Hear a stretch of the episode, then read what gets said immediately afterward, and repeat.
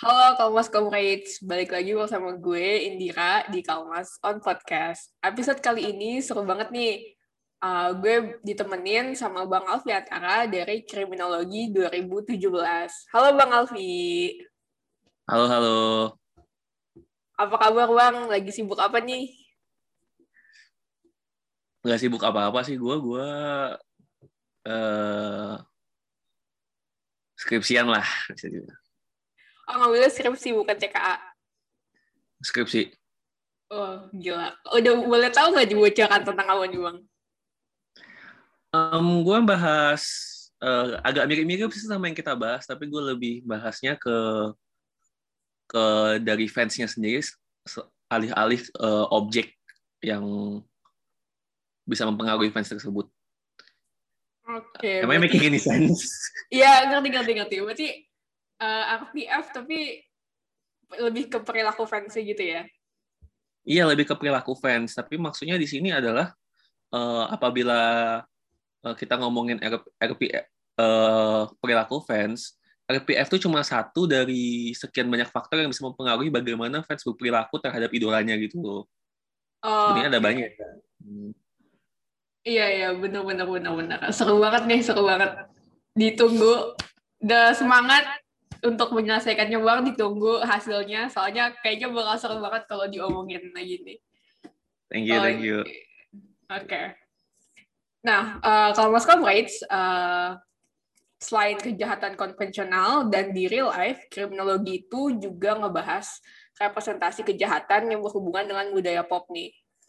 Termasuk bagaimana kita berinteraksi dengan produk budaya populer itu sendiri di sini gue akan nanya-nanya ke Bang Alfi tentang satu topik yang pernah Bang Alfi tulis sebelumnya nih, yaitu real person fiction.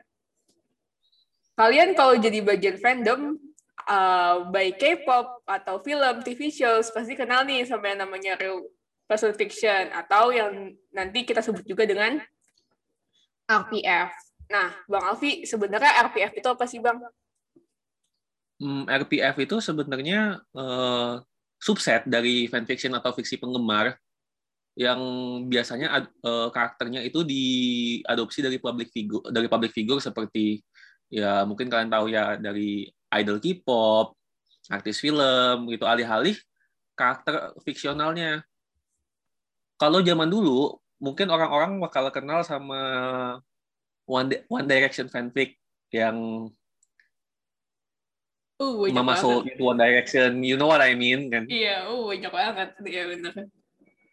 Di wetpad wetpad gitu atau um, fanfic, K-pop idol. Ini sampai sekarang sih. Jadi RPF itu sebenarnya yang membedakan dia sama fiksi penggemar lainnya adalah siapa karakternya sih. Karakternya bukan berasal dari fiksi mungkin kayak jadi yang membedakan LPF sama fanfiction lainnya itu basically karakternya, di mana karakternya itu diambil dari dunia nyata alih-alih uh, personal fiksionalnya. Misal nih, mungkin ada fanfic uh, Hermione, kan, Draco dan Hermione dari Harry Potter, mm-hmm. versus fanfic di mana karakternya adalah Tom Felton dan Emma Watson gitu. Mm. Iya benar-benar benar. Jadi uh, yang yang dijadikan subjek penulisan itu adalah uh, karakter asli yang yang berdasarkan orang-orang beneran gitu ya bang bukan bukan iya, karakter bener. yang bukan karakter yang dimainkan ya uh, tadi udah sempat disebutin contoh dari FPF sendiri kan kayak fanfic One Direction yang banyak banget yang sekarang diadaptasi ke film yang film After terus belum lagi Mungkin Bang Alfi pernah kalau main Twitter pernah lihat ini uh, apa fandom K-pop yang naruh alternate universe AU AU gitu dari idol-idolnya kayak gitu. Itu mungkin contoh dari FPF ya Bang. Ya, itu banyak banget sih bisa ditemuin. Mungkin salah satu yang barusan aja terkenal atau Galon kali ya. Pernah dengar nggak? Hah, apa tuh? Itu ada EU dari NCT gitu yang sempat jadi kontroversi karena dia menggambarkan karakter dari karakter utamanya adalah Yuta di situ. Dia menggambarkan si penulis menggambarkannya secara berbeda alih-alih dari apa yang model-modelnya.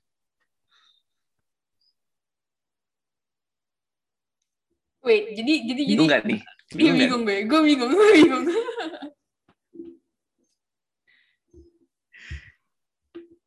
gue bingung, gue bingung. Jadi jadi uh, eh, NCT terus salah satu membernya digambarkan secara secara berbeda dari real life atau gimana? Bukan berbeda dari real life sih, berbeda dari apa yang biasanya diterima oleh penggemar gitu.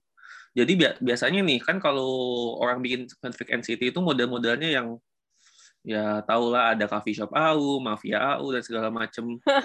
Iya.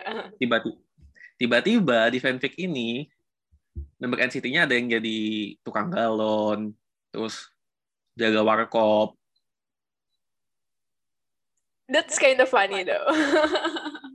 it is, it is. Masalahnya ada ada beberapa fans tuh yang masa kayak wah ini merusak nama baik idol kita.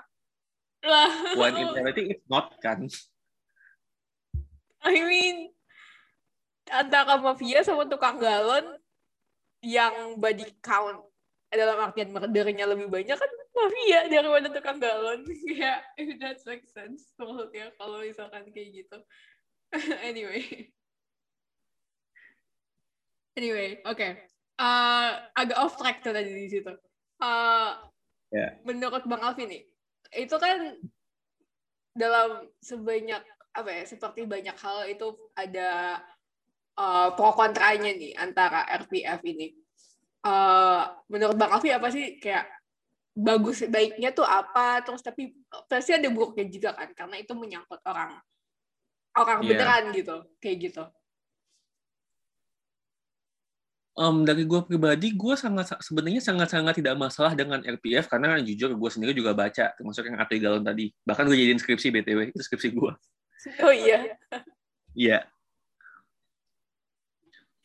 Tapi, uh, pertama-tama, oke okay, pertama-tama mengenai pro-nya, yang paling kenceng sih menurut gue adalah uh, eh, RPF itu hiburan terutama apabila lu mendalami atau menggemari suatu produk budaya kayak penyanyi atau idol K-pop atau uh, aktor film gitu. Itu tuh hiburan banget di mana kayak lu bisa melihat lu bisa seolah-olah melihat idol lu atau orang yang lu gemari dari sisi dari sisi lain atau interpretasi penggemar, sesama penggemar tapi masalahnya uh, hal ini bisa jadi cons apabila interpretasi penggemar itu diterima secara universal sebagai sesuatu yang benar gitu.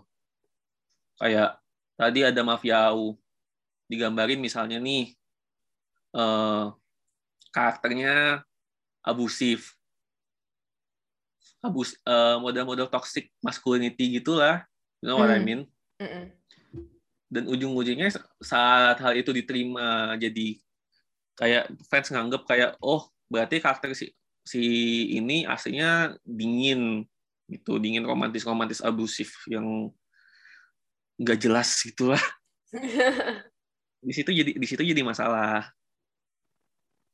Saat fans nggak bisa menerima yang mana yang yang mana yang memang uh, fiksi yang mana yang realita gitu tapi gue pernah baca sih bang kayak lagi research buat episode ini.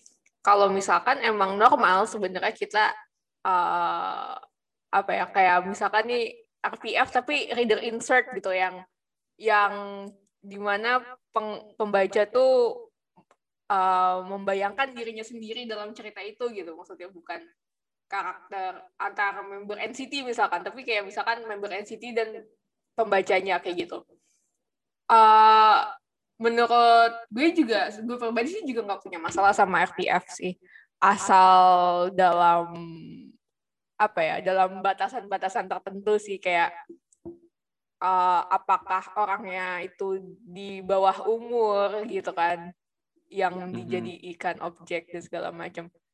Uh, tapi balik lagi sih kayak kayak itu kan menyangkut menyangkut orang beneran gitu ya bang. Menurut bang Alfi, uh, persetujuan atau consent itu diperlukan nggak sih bang untuk untuk skenario kayak gitu? Sebenarnya kalau kita mau nganggapnya dari poin yang lebih dalam lagi, konsen itu sangat-sangat diperlukan. Cuman di sini kita mengetahui bahwa ini adalah ini adalah budaya yang sudah ada dan sama ini dan emang um, dipraktekkan sejak dulu gitu. Mau tahu nggak sih RPF itu paling awal itu ditulis sama Shakespeare? Oh ya, dia hmm. Queen Queen Elizabeth and stuff. Uh, ya yeah. Richard the Third lah, Henry yeah. the Eighth lah kan dia bikin ceritanya. Uh-uh. Dan bisa jadi uh, yang paling penting dari dari penulisan RPF adalah kita harus misahin yang mana orang dunia nyata dan orang dalam fiksi, tapi tanpa uh, istilahnya apa ya? Tanpa merendahkan yang dunia nyata, dunia nyata tersebut gitu. Iya, jadi jadi tergantung dari isi dari isi FPF itu sendiri kan kayak uh, kayak apa ya mungkin ada beberapa orang yang nganggap tukang galon itu merendahkan member NCT gitu kan cuman ada beberapa yang nganggap itu lucu kayak kayak kayak gue gitu tapi hmm. mungkin merendahkan itu lebih ke apa ya portrayal secara moralitas dan perilakunya gitu sih menurut menurut yang gue tangkap ya yang gue tangkap kayak apakah si apa subjeknya ini misalkan digambarkan sebagai seorang yang uh, rapist lah atau uh, tadi abusive atau apa kayak gitu. Gitu nggak sih bang? Iya. Problem dari problem dari RPF atau fanfiction in general sih di mana penggemar itu biasanya menerima biasanya lebih banyak berinteraksi sama interpretasi dari sesama penggemar tadi dibandingin uh, citra aslinya atau misalnya kayak canonnya kalau kita ngomongin fanfic secara keseluruhan ya fanfic yeah. secara umum. Nah saat saat kasus kayak gini ya we all know selama ini adalah uh, art is an imitation of reality gitu kan. Mm. Tapi dalam kasus-kasus yang sering banget terjadi dalam RPF itu adalah realitanya ditulis sama ditulis sama fiksi. Tadi kayak kata gue bilang, yang gara-gara orang ta orang taunya dia begini di fanfiction dianggapnya beneran dan sebagainya. Misalnya di fanfiction ini termasuk juga sih ini fetish fetishizing minor kan fetishizing uh, queerness. Bisa. Hmm. Yang shipping shipping is okay. Shipping is completely okay. Sama tahu batas karena kadang-kadang orang beneran dibawa ke dunia nyata gitu dan itu nggak nyaman buat orang yang ditulis tadi mungkin kita balik lagi ke fetishizing itu sih bang kayak mm-hmm. uh, mungkin itu salah satu bahaya dari RPF juga kali ya kayak gue jujur aja nih gue tuh udah di udah udah mengikuti fandom sejak SMP dan salah satu fandom yang paling lama gue tekuni itu adalah Supernatural Supernatural oh right? gue tahu right? ini dan itu dan itu kalau kalau kalian tahu di Kalmas Comrades Supernatural itu fandom yang sangat spektrumnya tuh sangat sangat luas. Ada yang normal banget ada yang bener-bener toxic setoxic toksiknya jadi uh, dengan dengan TV show yang sangat queer baiting maksudnya tuh kayak kayak TV show itu sangat apa ya me, mencoba untuk menjual menjual this LGBT couple tapi nggak pernah jadi-jadian gitu kan. Untuk viewers untuk menarik viewers gitu. Dan itu imbasnya adalah ke aktornya yang mainin yang mainin karakternya itu adalah mereka di shipping si Jensen Ackles sama si Misha Collins. Nah itu tapi masalahnya adalah they're both married. Mereka udah nikah di real life dan itu sampai dibawa ke panel-panel Comic Con sampai dibawa ke press conferences dan itu menurut gue sangat-sangat nggak uh, nyaman banget sih dan apalagi kita tahu waktu itu sempat Misha Collins itu ada di Tumblr kan dia punya Tumblr dan kalau misalkan kalian tahu Tumblr di Commerce Complaints Wah, itu benar-benar hell-hole banget ya itu. Itu just full of fandoms yang kacau, kacau banget deh pokoknya intinya. Tumblr 2000, 2014, 2015 tuh. Jadi gitu, yeah. jadi iya. kayak, jadi kayak uh, fanfiction, fanfiction kayak gitu, uh, bahayanya kalau misalkan ditemuin sama subjek-subjek aslinya itu sih bang kayak uh, itu bukan buat konsumsi mereka sih, tapi ketika kan kita nggak bisa ngalangin ya mereka main, sosmed apa dan uh, dapat kayak misalkan mereka ketemu sama karya-karya yang kayak gitu dan nge kayak aneh banget gitu gak sih kayak gue tuh bukan ngerasa aneh banget sih kalau misalkan gue ngebaca RPF terus tiba-tiba nama gue dengan dipasangin sama orang lain itu gue bakal freak out banget sih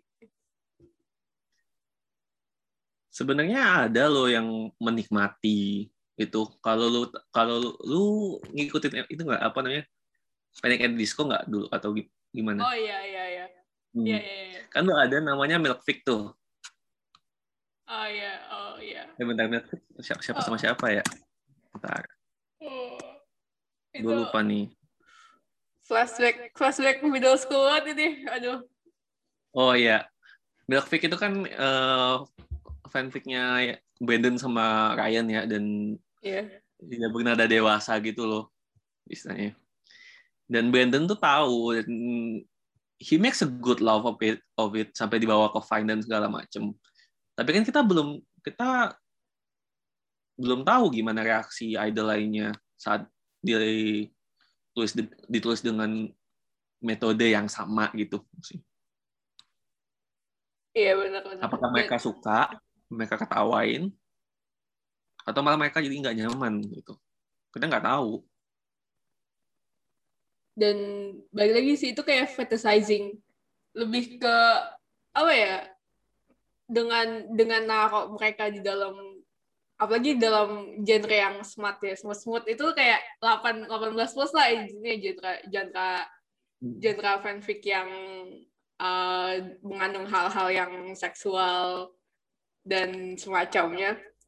Itu menurut gue juga fetishizing itu bisa main ke situ sih bang kayak kayak orang kayak apa ya kayak ya itu dijadikan mereka kayak subjek-subjek itu dijadikan objek seksual seksual gitu nggak sih Iya, apalagi problematik banget nih, misalnya kalau yang tulis itu masih di bawah umur. Kayak kayak di bawah umur tapi tulisnya ngomong-ngomong Kamas Komres ini tahu nggak sih smart itu apa? Kita ngomong aja nih dari tadi. Takutnya nggak pada nggak tahu. Ya, yes, smart itu adalah adalah fanfic yang yang dikenal juga dengan sebutan lemons. Aduh, gue dua jadi kita expose banget nih tahu banyak banget tentang fanfic aduh uh... santai gue juga di sini. Gue yang liti malah. Iya, kan lo ada alasan bang. Lo kan alasan dengan alasan peneliti dan gue alasannya apa? Penelitian selanjutnya. Oh iya. Oke. Okay. jadi saat itu ya intinya uh, fanfic yang bernada seksual ya uh, guys um, jadi menempatkan subjek atau karakter-karakter dalam situasi-situasi yang yang seksual yang 18 plus gitu. Hmm. Biasanya eksplisit kan kalau hmm, sangat itu. Sangat, sangat eksplisit, eksplisit, sangat sangat eksplisit. Kebongkar dasar gue semua nih.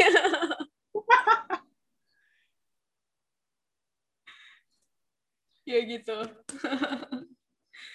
ya bener banget jadi jadi problematik juga kalau misalkan uh, aktornya atau subjek itu masih di bawah umur. Ya ini juga terjadi sama ini nggak sih bang sama uh, Millie Bobby Brown waktu itu di Stranger Oh iya. Things.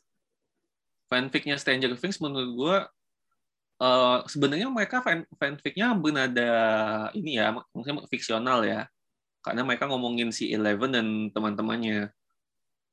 Cuma kadang-kadang itu ada aja yang nyebrang sampai bawa karakter Eleven.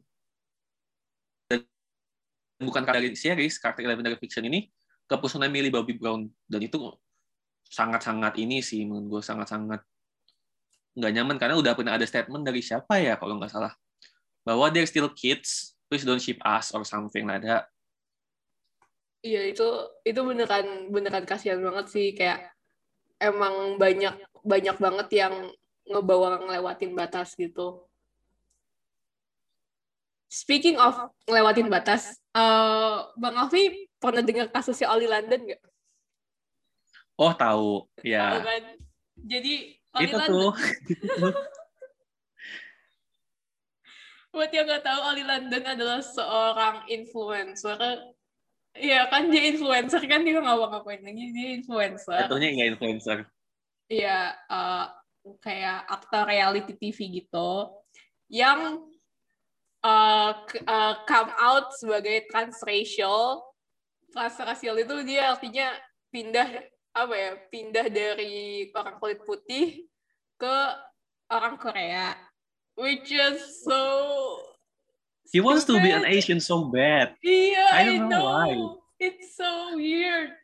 Terus dia tuh masalahnya dia tuh meng, me, ini kalau mas Comrades me, melakukan operasi plastik berkali-kali untuk mendapatkan uh, muka muka Korea kayak gitu. Terus habis itu pronounce-nya adalah they apa they them oh we an. Jimin Korea. What ya yeah, nah itu mungkin uh, salah satu contoh ekstrim aja kali ya. Karena uh, sebenarnya spektrumnya udah banyak tapi semuanya itu bisa dijelasin mungkin kalau teori dari budaya populer sendiri ada hiperrealitas. Udah baca belum kalau itu? Uh, belum. Kalau dia. Belum ya? Belum belum, belum Hiper, um, hiperrealitas itu uh, konsep di mana uh, adanya uh, representasi tanpa referensi lah kalau kita mau ngomong itu sesuatu yang diproyeksikan sebagai fak, uh, fakta sebagai sesuatu yang benar tapi nggak ada landasan faktanya karena itu berdasarkan interpretasi interpretasi ini kemudian uh, istilahnya diterima disimulasikan sebagai sesuatu yang sesuatu yang nyata dan akhirnya dinormalisasi. Model-model jadi bisa dibilang ini konstruksi realita, termasuk bagian dari konstruksi realita ya, kalau gue boleh ngomong. Jadi emang apa ya, kayak tadi ya, uh, tadi sempat disebut juga kalau misalkan uh, realita yang diterima oleh fans itu lebih banyak ke yang uh, dibuat oleh interpretasi fans itu sendiri daripada real life-nya. Karena emang ini sih ya kayak kita juga nggak nggak nggak kenal secara personal gitu nggak sih bang? Kayak sama idol-idolnya ini. Jadi mau nggak mau kita hmm. kita berinteraksi sama apa yang kita tahu aja gitu. Iya itu sih. Orang kan misalnya ngelihat uh, misalnya kalau kita ngomongin si aktor supernatural ya Jasmine Eccles sama Misha Collins. Mm -hmm. mereka di nyatanya deket banget tapi kita nggak tahu kan aslinya di belakang layar itu sedekat apa dan segala macem.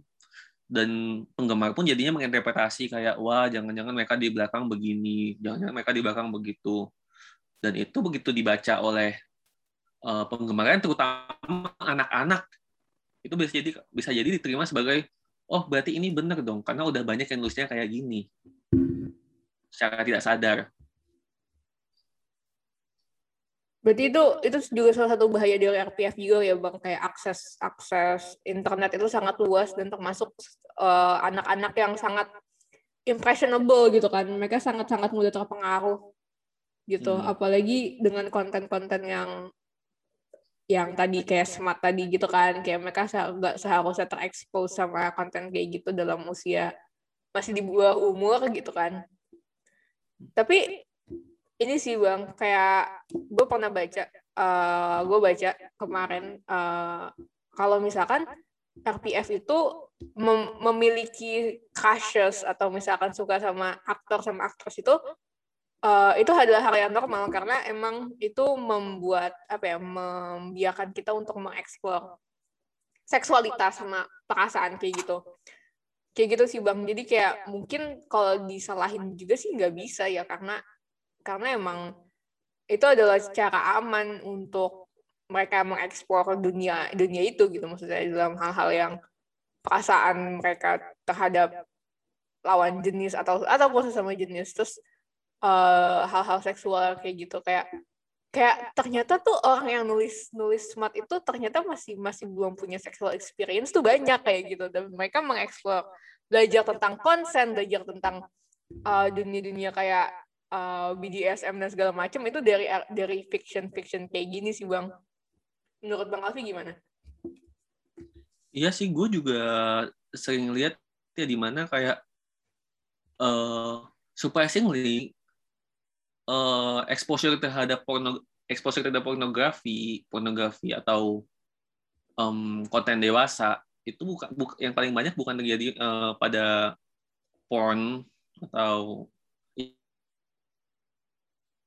ya porn ada porn mengaruhi karena people watch porn all the time even the kids which hmm. sebenarnya nggak bagus tapi it happens pengawasan orang tua masing-masing so let's not talk about that yeah. Tapi surprisingly, uh, fanfiction, fanfiction RPF terutama yang smart itu sangat-sangat mempengaruhi gitu loh. Cuman mempengaruhinya is not always in a good way kayak kata lu tadi buat eksplorasi seksual. Iya, tapi nggak selalu karena fanfiction itu nggak dianggap fanfiction atau terutama RPF itu bukan dianggap sebagai sesuatu yang dangerous and it's it's not tapi tetap butuh pengawasan, terutama buat di konten-konten yang uh, tidak sesuai dengan usia pembacanya gitu. Iya sih, dan namanya juga fiction ya, maksudnya kayak kita nggak bisa. Dan itu tadi sering dijadikan uh, kayak kayak bisa bermata dua gitu, maksudnya kayak uh, ya mereka bisa belajar tentang eksplorasi seksual dan segala macam, tapi uh, juga mereka bisa menganggap itu sebagai real life juga kan. Kayak uh, oh jadi prakteknya tuh kayak gini dan dan itu bisa di bisa apa ya mereka sangat apalagi audiensnya tuh yang kayak fandom-fandom gini tuh jarang banget gak sih? Kayak uh, un, apa ya dalam 18 plus itu uh, we tend to grow out of it gitu kan. Kita kita kebanyakan udah udah udah terlalu tua lah untuk dalam stay dalam fandom. Walaupun masih banyak juga yang stay gitu maksudnya dan konten menjadi konten creator dalam fandom gitu. Tapi uh, dan kebanyak kebanyakan audiensnya adalah audiens yang uh, youngsters gitu yang muda-muda gitu kan uh, hmm. kecuali supernatural kali ya karena emang udah tamat gitu jadi emang udah tamat ya udah bukannya udah masih lanjut ke 12 gitu oh udah ini season, season, season berapa? Season season 15 kali nggak tahu. Gue gue nggak ngikutin. Mas serius? Iya serius. Serius serius. Terus udah uh, uh, jadi jadi gitu. Jadi mungkin uh, emang emang apa ya kayak banyak apa ada positifnya ada negatifnya like most things. Dan uh, ketika positifnya adalah tadi eksplorasi seksual dan eksplorasi uh, perasaan kayak gitu pubertas dan segala macam negatifnya juga berbahaya banget ya bang. Kayak apalagi nih apalagi ada genre yang uh, dark tahu bang dark fiction iya yeah. ya yang yeah. yang yang membahas tentang pemerkosaan terus dubious consent segala macam dan itu oh, iya itu genre yang banyak banget sih dan gue nggak ngerti kenapa sebenarnya tapi oh well iya yeah, tapi it happens it happens dan it uh, hmm. punya audiensnya masing-masing tuh kan uh, gue jadi ini semacam kayak pengakuan dosa gitu sih kayak ya Allah gue gue tahu banyak banget tentang fandom Astagfirullahaladzim. Iya gue juga bergelut dari situ dari dari dulu kan. Dan sebenarnya uh, eh, gue waktu gue masih kecil pun maksudnya umur umur awal awal belasan tahun gue nganggap uh, fenomena RPF ini bukanlah sesuatu yang berbahaya karena ya it's, it's just for laughs gitu kan. Dan secara dan budaya penggemar semacam ini pun secara virtual memang nggak berbahaya. Tapi dalam jangka panjang dapat memiliki uh, amplifying effect lah istilahnya. Di mana RPF itu bisa dibawa sampai ke dunia, uh, apa yang ada dalam RPF itu dibawa ke dunia nyata tadi. Uh, fiction fiction writes the reality instead of sebaliknya. Iya sih, emang emang bahaya sih emang di situ ya kayak emang semuanya tuh butuh batasan-batasan sendiri ya guys. Kayak boleh, cuman ya itu inget aja sih itu bukan untuk konsumsi. Bukan untuk konsumsi subjek subjek dari RPF itu sendiri sih menurut gue bang. Kayak kalau bisa sih jangan jangan sampai mereka tahu. Kalau misal pun tahu juga ya jangan shove it down their throats lah gitu istilahnya ya. Kayak kayak gitulah. Kayak banyak juga kan sekarang kayak yang mungkin sekarang lagi hype itu fandom Korea gitu kali ya yang uh -huh. yang mereka bikin bahkan uh, eh, RPF ditemani sama fan fan cams fan edits yang uh, shipping yang meng, men, menganalisa perilaku dan gesture-gesture terkecil gitu kan. Ini kita this also, this also happens. Ini juga terjadi sama fandom One Direction. Yang ngasih bang? Kayak uh, apa sentuhan uh, antara Louis sama Harry terus di oh ketangkep terus mereka pada heboh kayak gitu. Iya itu itu banyak banget sih anjir. Misalnya kayak uh, apa ya ada idol yang ada ada yang pegangan tangan terus langsung ke interpretasi macam-macam dan segala macam yang ya kita nggak pernah tahu apa yang apa yang mereka laku yang mereka sebenarnya lakuin dan apa yang mereka pikirin kan? Mm -mm.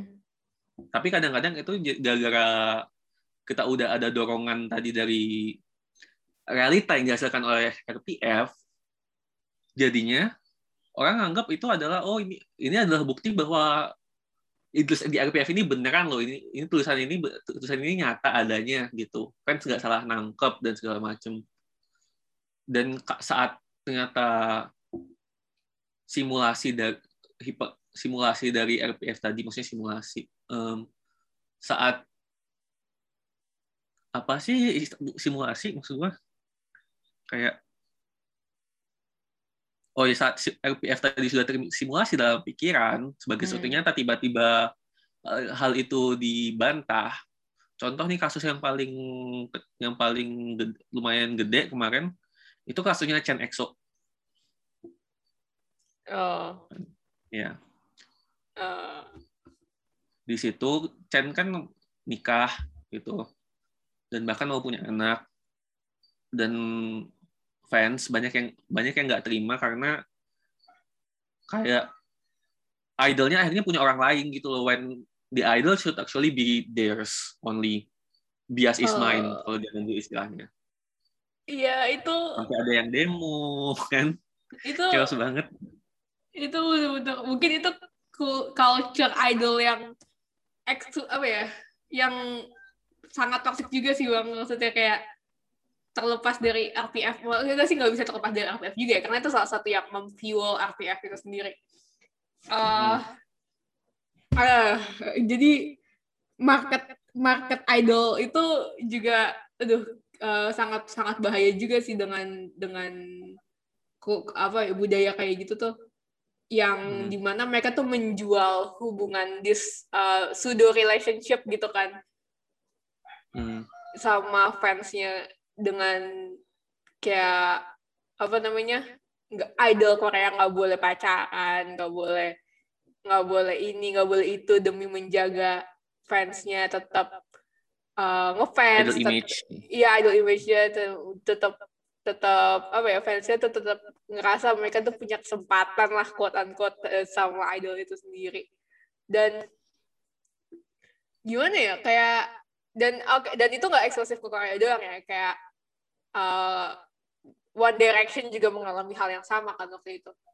Dan uh, dan itu bahaya banget sih kayak maksudnya kayak itu bener-bener restriksi privasi orang, nge ngancurin hubungan orang gitu kan maksudnya kayak mereka tuh manusia loh guys, maksudnya bukan objek, bukan uh, apa? Iya, intinya mereka tuh manusia yang punya kehidupan sendiri dan it exists beyond your imagination kayak gitu. Iya, di, di luar citra panggung yang mereka punya, mereka juga manusia kayak kita semua kan maksudnya. Iya benar, benar benar. Tapi citra panggung ini sering kali diambil, diambil di, maksudnya diterima terus dibumbu-bumbuin lah di di fanfic itu kan kayak lama-lama saat orang satu orang baca, terus yang baca itu nulis ternyata juga nulis dan bikin dan bikin bikin bikin bikin lama-lama itu bakal diterima sebagai realita Enggak, di sini gue nggak menyalahkan penulis fiction karena jujur gue nulis juga nih, tapi uh, yang paling penting ada yang paling penting adalah saat uh, eh, RPF tersebut dikonsumsi oleh penggemar, uh, simulasi kalau istilah hiperrealitas simulasi dari persona idol atau idol atau real person yang ditulis ini stay in that two dimensional media aja gitu loh nggak nggak dibawa ke dunia nyata. Kalau kita ngomongin dari sisi kriminologi nih, kita ngomong langsung itu uh, bisa dijelasin sama kriminologi konstitutif. Karena out, karena maksudnya RPF ini tadi merupakan cuma salah satu output yang paling mempengaruhi adalah reaksi masyarakat terhadap output tersebut. Apakah output tersebut ditolak, kayak si Atu Galon tadi, karena tidak sesuai dengan uh, citra lain yang dinormalisasi, delegitimasi, dan dipelihara oleh penggemar sebagai sebagai dari identitas yang mereka percayain gitu.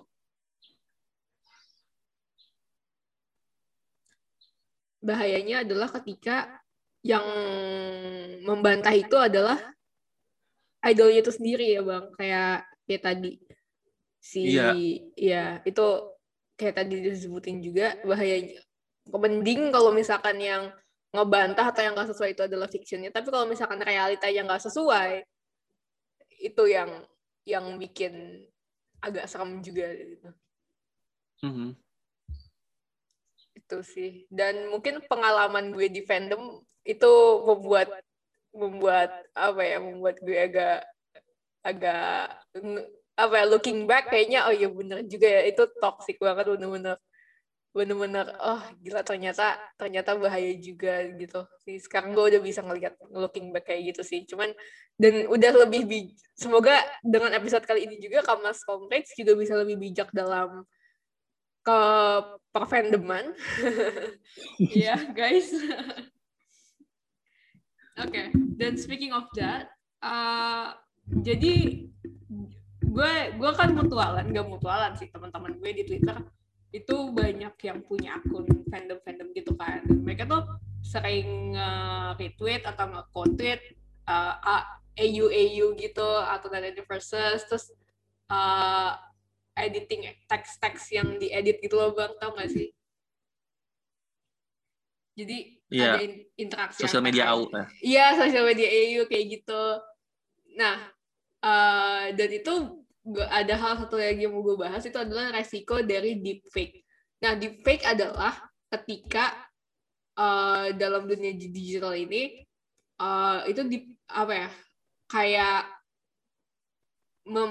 menggunakan teknologi untuk mengimpersonate uh, someone else orang lain dalam uh, melakukan satu hal dan mungkin mungkin sosial media EU itu nggak bisa disebut sebagai deepfake karena kita tahu itu itu fake gitu maksudnya.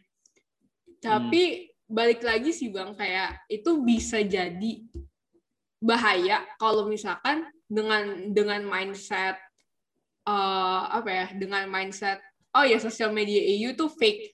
Terus formatnya tuh kan kayak bener-bener dibikin seasli mungkin kan. Kayak misalkan teks iPhone yang di screenshot kayak gitu dan itu iya. bahaya yeah. kalau misalkan emang kejadian beneran ada skandal atau misalkan uh, kasus yang menggunakan screenshot itu screenshot itu sebagai bukti. Jadi bisa di bisa apa ya? Ngerti gak sih kayak jadi tuh ada hmm. jadi tuh ya kan kayak uh, realita bisa bisa dianggap sebagai bohongan dan uh, mereka dan fans tuh bisa dengan secara luas mengedit uh, mengedit itu untuk uh, misalkan membuat bukti palsu kayak gitu nggak sih? Kayak forgery gitu jadi jatuhnya. Iya. Sejauh ini untungnya belum ada ya kasus yeah, yang iya, sampai yeah. separah itu. Cuma ya karena keberadaan teks-teks EU kayak gini dan gue nggak tahu sih apakah ini adalah budaya budaya uh, sosial media EU itu adalah sesuatu yang hanya diproduksi oleh international fans atau ternyata fans dari Korea sendiri juga bikin tapi bisa dilihat kemarin uh, kalau ketika ada idol yang ternyata memiliki skandal uh, penggemar nggak penggemar malah uh, tutup mata yang gue lihat beberapa penggemar malah merasa kayak ah ini nggak benar pasti ini dibikin-bikin karena kan bikin chat palsu sekarang gampang. Nah itu dia. Hmm. Jadi ya, banyak ada ada aja kasus yang uh, screenshot, screenshot bukti misalnya dari korban seksual harassment, seksual harassment atau seksual assault gitu. Kemarin ada kasusnya yang gue tahu. Dan pada awal-awal orang bakal ngerasa kayak ah ini palsu nih idol gue nggak mungkin kayak gitu. Karena mereka udah punya simulasi sendiri tentang cita idolnya tadi. Mereka bakal denial. Dan didukung sama teknologi jadinya kayak ya orang bisa aja ngira itu fake. Orang bisa aja ngira itu asli kayak gitu kan. Dan iya. yeah. dan apalagi sekarang dengan teknologi deepfake juga serem banget gitu kan. Orang bisa ngubah foto atau video dengan kelihatan kayak beneran mirip banget kayak gitu kan. Jadi kayak ini kayak ya sangat apa ya ini bisa mem membawa RPF ke da ke apa ya ke hal yang jauh-jauh lebih lebih ber, lebih berbahaya gitu. Kayak misalkan uh, it's one thing untuk Oli London nge Photoshop dirinya dengan Jimin. Uh, but it's another. Kalau misalkan kalau misalkan uh, apa fans nge-deepfakein idolnya untuk di, di sebuah video gitu kan. Dan itu bisa jadi tadi uh, apa ya dijadikan alasan untuk deniability itu uh, ketika ada skandal atau ada masalah idol yang membantah simulasi simulasi dari apa ya, interpretasi idol uh, karakteristik idolnya di kalangan fans kayak gitu. Iya, ini pisau mata dua dan dan pisau mata duanya jelek semua gitu loh saat misalnya saat ada sesuatu, ada sesuatu yang uh, fake tentang misalnya idolnya idol atau siapa gitu difitnah atau apa orang bisa jadi akan menganggap itu asli. Tapi di sisi lain saat itu beneran orang malah nggak ada yang percaya. Jadi kan kayak mau lu gimana gitu loh. Iya, bener, bener. buktinya kayak apa gitu. Kita jadi bingung. Maunya adalah sesuai sama fiksinya mereka iya sesuai sama fictionnya mereka. Real person fiction itu bukan tadi um, bukan. Tapi dia pintu. Uh, pintu tadi bisa jadi uh, bisa jadi bikin deep bisa bisa bikin bisa buat deep fakes bisa buat um, fan war yang doxing atau di kasus Chen tadi ada death threat segala macam ke keluarganya teror cuma karena mereka percaya bahwa apa yang ditulis di atas ditulis di sebuah website nggak sebuah sih di beberapa website itu adalah sesuatu yang benar. Padahal sudah jelas-jelas dinyatakan itu fiksi gitu. Namanya juga real person fiction gitu kan. Iya. Iya, jadi ada ada banyak banget yang membawa membawa kelewat batas gitu kan. Nah, mm -hmm. uh, balik lagi tadi kan Bang Alfi sempat nyebutin tentang Shakespeare gitu kan. Nah, yeah. itu kan itu kan real person fiction dan ada kategorinya namanya historical fiction. Sama hmm. kayak TV show kayak The Crown, uh, Chernobyl gitu-gitu kan. dan itu itu mereka fiksi-fiksi yang menginvolve melibatkan real person gitu kan. Uh, hmm.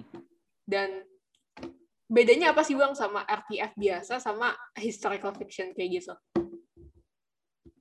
Uh, historical fiction itu sebenarnya lebih ke ini sih lebih lebih ke fiction terus dalam setting setting mana pun di masa lalu. Dia bisa tapi dia bisa jadi RPF apabila uh, dalam cerita tersebut melibatkan orang beneran gitu kayak misalnya nih ya tadi uh, The Crown itu historical fiction di arah-arah sebelumnya tapi maksudnya yang arah-arah sekarang gue nggak tahu sampai berapa season ya mereka itu udah itu udah masuk RPF gitunya semi biografi dan segala macam itu itu itu jatuhnya RPF. Tapi bedanya adalah RPF yang kayak gitu uh, ada konsen dari keluarga kerajaan kan. Kalau di kasus dekan, kalau nggak salah ya, correct me if I'm wrong. Oh, gue nggak tahu sih. Ada konsen atau enggak. Tapi harusnya sih ada ya, karena serem juga kalau misalkan nggak ada mereka tiba-tiba bikin bikin TV show tentang keluarga kerajaan terus kalau misalkan nggak ada konsennya bisa disu abis-abisan dituntut abis-abisan jadi bedanya adalah kalau RPF itu adalah orangnya tuh uh, ada di zaman sekarang kayak gitu? Oh enggak RPF itu enggak harus ada di zaman sekarang tapi maksudnya orangnya beneran beneran ada gitu loh. Jadi maksudnya historical fiction pun uh, bisa digolongkan sebagai RPF apabila ada orangnya. Tapi lu tahu nggak oh. sih kalau kalau zaman dulu uh, real person RPF itu dipakai buat uh, boosting the boosting the career buat uh, bintang-bintang Hollywood Hollywood zaman itu tahun oh, 1940-an iya? apa ya? Mm -hmm. Jadi kayak kalau mungkin kita bisa lihat kalau di film tuh misalnya nih uh, Harry Styles played as himself gitu loh. Oh, oke. Okay. Tapi itu jatuhnya gitu. dulu tuh suka ada itu bedanya sama biografi apa dong? Bio apa ya? Biopik, biopik. Kalau biopik beneran. Kalau RPF fiksi. Walaupun biopiknya itu ini ya, Bang, kayak uh, nggak apa ya, ada kreatif license ya gitu kayak kayak kayak misalkan Rocketman atau misalkan yang baru-baru keluar kemarin kayak gitu-gitu itu masuknya oh iya itu hitungannya RPF hmm. oh itu hitungannya RPF hitungannya RPF kalau misalnya itu udah fictionalized gitu loh mungkin oh. um, film-film Anne Frank oh iya huh? yang yang yang loose maksudnya bukan yang beneran ngikutin diary-nya kan ada tuh kayak yang favorit gue sih ini and Frank the Whole Story itu dia uh, fictionalize in a way dia nggak ngikutin real account dari diary-nya walaupun ya based on it ya namanya fiksi spektrumnya bakal ini sih bakal blur sih cuman yang paling saklek dari RPF adalah uh, adalah satu itu melibatkan real person dan kedua adalah itu fiktif. Jadi kalau misalnya biografi atau biopik itu bisa jadi RPF apabila uh, ceritanya udah fictionalized banget ya. Tapi kalau misalnya ceritanya berdasarkan real life accounts dan segala macam kayak dokumenter, biasanya sih enggak gitu. Oh, sih. Berarti emang luas banget ya spektrumnya ya, Bang? Iya, Oh, iya, iya, iya. Oke, oke, oke, oke. Berarti kalau ngomongin RPF, yang nggak nggak bisa cuma fanfic dan segala macam ya, tapi juga movies kayak biopik yang yang benar-benar fictionalized. Ah, I see. Oke, okay, oke, okay, oke, okay, oke. Iya makanya okay, sih okay. kalau ngomongin RPF tuh kita jadi kayak kita nggak bisa ngomong itu sebagai sesuatu yang negatif because people do it all the time since iya, bener, the past. Bener, bener and it's not always a bad thing karena ya tadi ada yang buat ngebus popularitas selebritinya, ada yang buat uh, jadi jadi bio biopik fiksional gitu kan. Cuman uh, yang yang berbahaya adalah model-model yang habis itu yang sebagai yang sebagai ya yang bener itu gini gitu. Titanic nih, Titanic nih mungkin bu itu bukan RPF ya, walaupun ada uh, real person di dalamnya, tapi itu lebih dikategorikan sebagai historical drama, kostum drama dibandingin RPF gara-gara karakter utama, gara-gara ya fokusnya ada di karakter fiksional.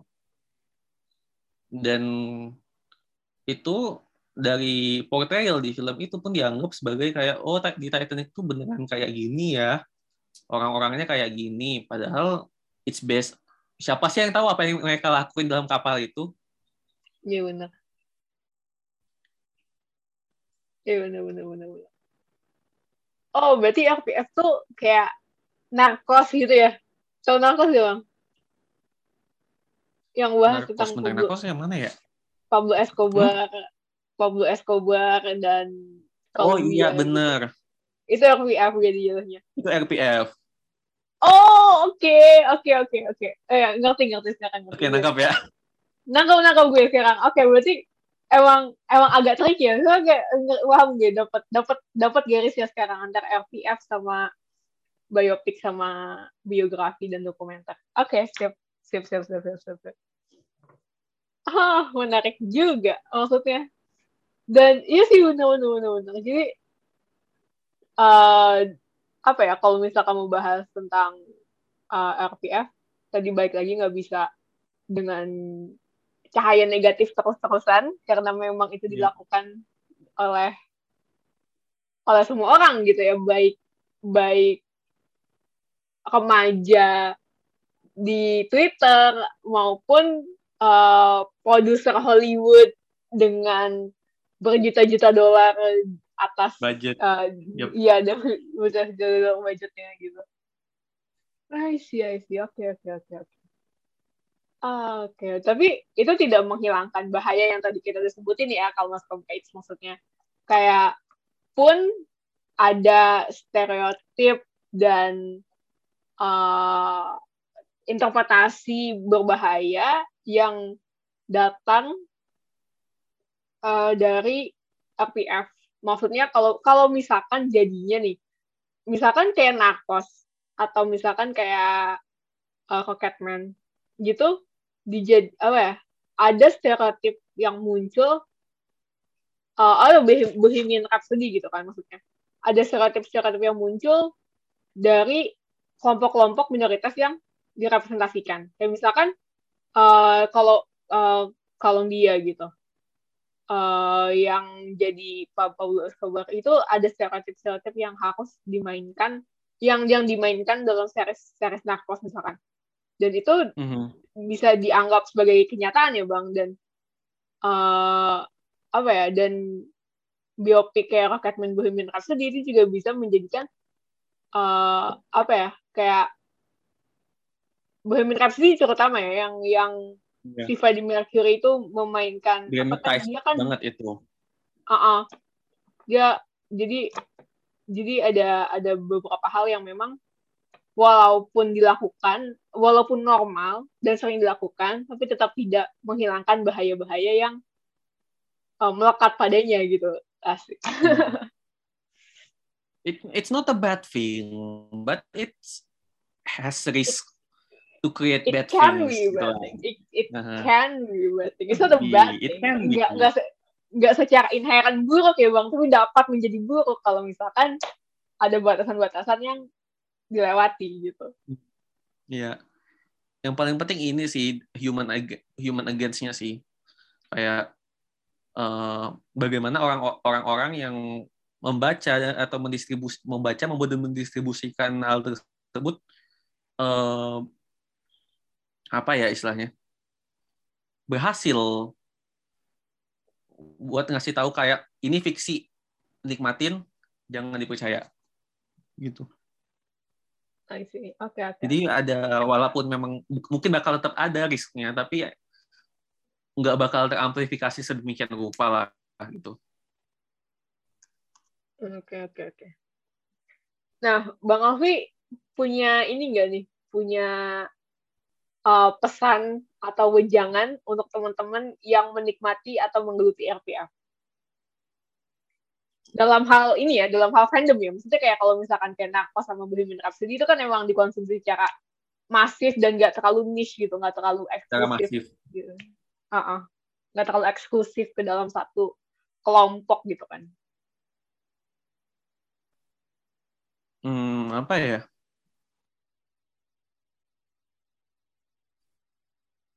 Paling ini sih jangan percaya, jangan percaya apa yang ditulis jangan percaya kayak secara uh, secara umum jangan percaya apa yang ada di internet.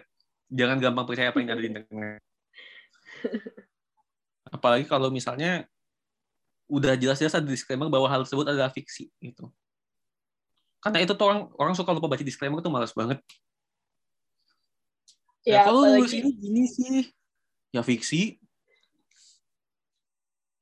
Tapi kalau di ya fiksi.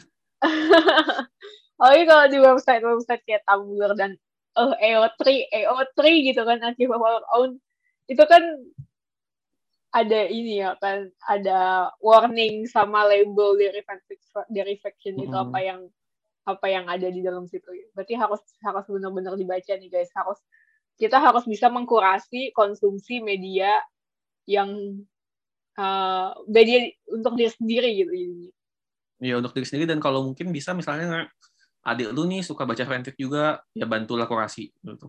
Dia belum tahu apa-apa takutnya bacanya ya, asal. Apalagi, apalagi yang masih di bawah umur ya guys. Oh ya, mungkin sama itu ya Bang, jangan baca RPF untuk aktor atau idol yang masih di bawah umur. Kita ngomong jangan baca pasti bakal tetap ada yang baca loh dia. ya udah jangan nulis. Gimana sih kayak aduh kayak maksudnya itu hardline banget sih menurut gue kayak kayak itu garis keras banget sih menurut gue bang. Kayak FPF hmm. silakan tapi asal jangan minus gitu loh. Iya, jangan dibawa keluar itu aja sih. Iya untuk Iya, silakan kalau iya mau baca, silakan kalau mau baca, tapi ingat uh, bijaklah dalam bijaklah dalam membaca. Jangan jangan sampai apa yang apa yang lu baca dibawa dibawa ke dunia nyata gitu. Hmm, iya benar benar benar benar. Benar benar. Oke. Okay. Oke. Okay. Tapi kalau misalkan kalau tapi kalau misalkan ini ya guys, ini kita ngomongin tentang real person fiction. Kalau misalkan tentang dengan karakter fiksi itu beda lagi ceritanya karena mereka karakter fiksi yang nggak bisa ngasih konsen kayak gitu.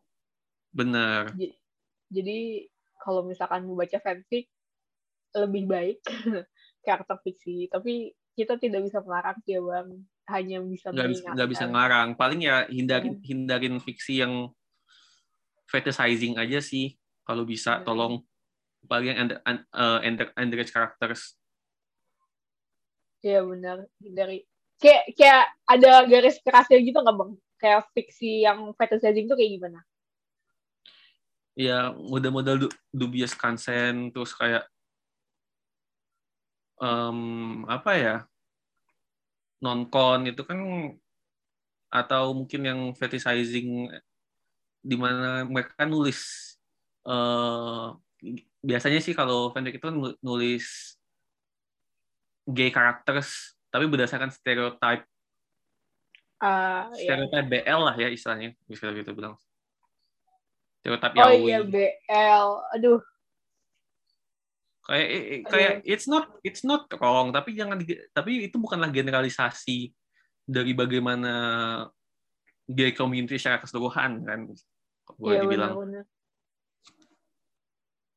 Benar-benar. Dan kalau kita ngomongin fetishizing, itu kayaknya panjang, bakal panjang banget ya Bang. Kayak bakal panjang bisa, banget. Bisa episode sendiri gitu kayaknya tuh. Itu kita belum ngomongin tentang uh, yaoi, Fuji, fu, apa? Fujoshi. Fujoshi, gitu kan. Fujoshi. Kayak gitu-gitu. Kita ngomongin, ah banyak deh pokoknya. Nah, untuk RPF kali ini, uh, mungkin segitu aja dulu kali ya Bang. Kayak mungkin sisanya bisa kita serahkan lagi ke Kalmas Comrades bagaimana untuk menyikapi uh, dan apa ya berpihak berpihak eh, dan meng, mengambil apa ya berpendapat tentang uh, RPF ini. Uh, jadi apakah kalian termasuk penggelut RPF atau bukan? Either way, semua baik asal dilakukan dengan moderasi dan batasannya masing-masing. Nah, uh, terima kasih banyak Bang Alfi uh, udah menyempatkan untuk hadir di episode podcast Karmas kali ini. Terima kasih juga uh, Indira. Ya, semoga sukses. Skripsinya semoga cepat kelar. Amin, amin. Gue Indira, uh, pamit undur diri. Sampai jumpa di episode berikutnya. Dadah. Dadah.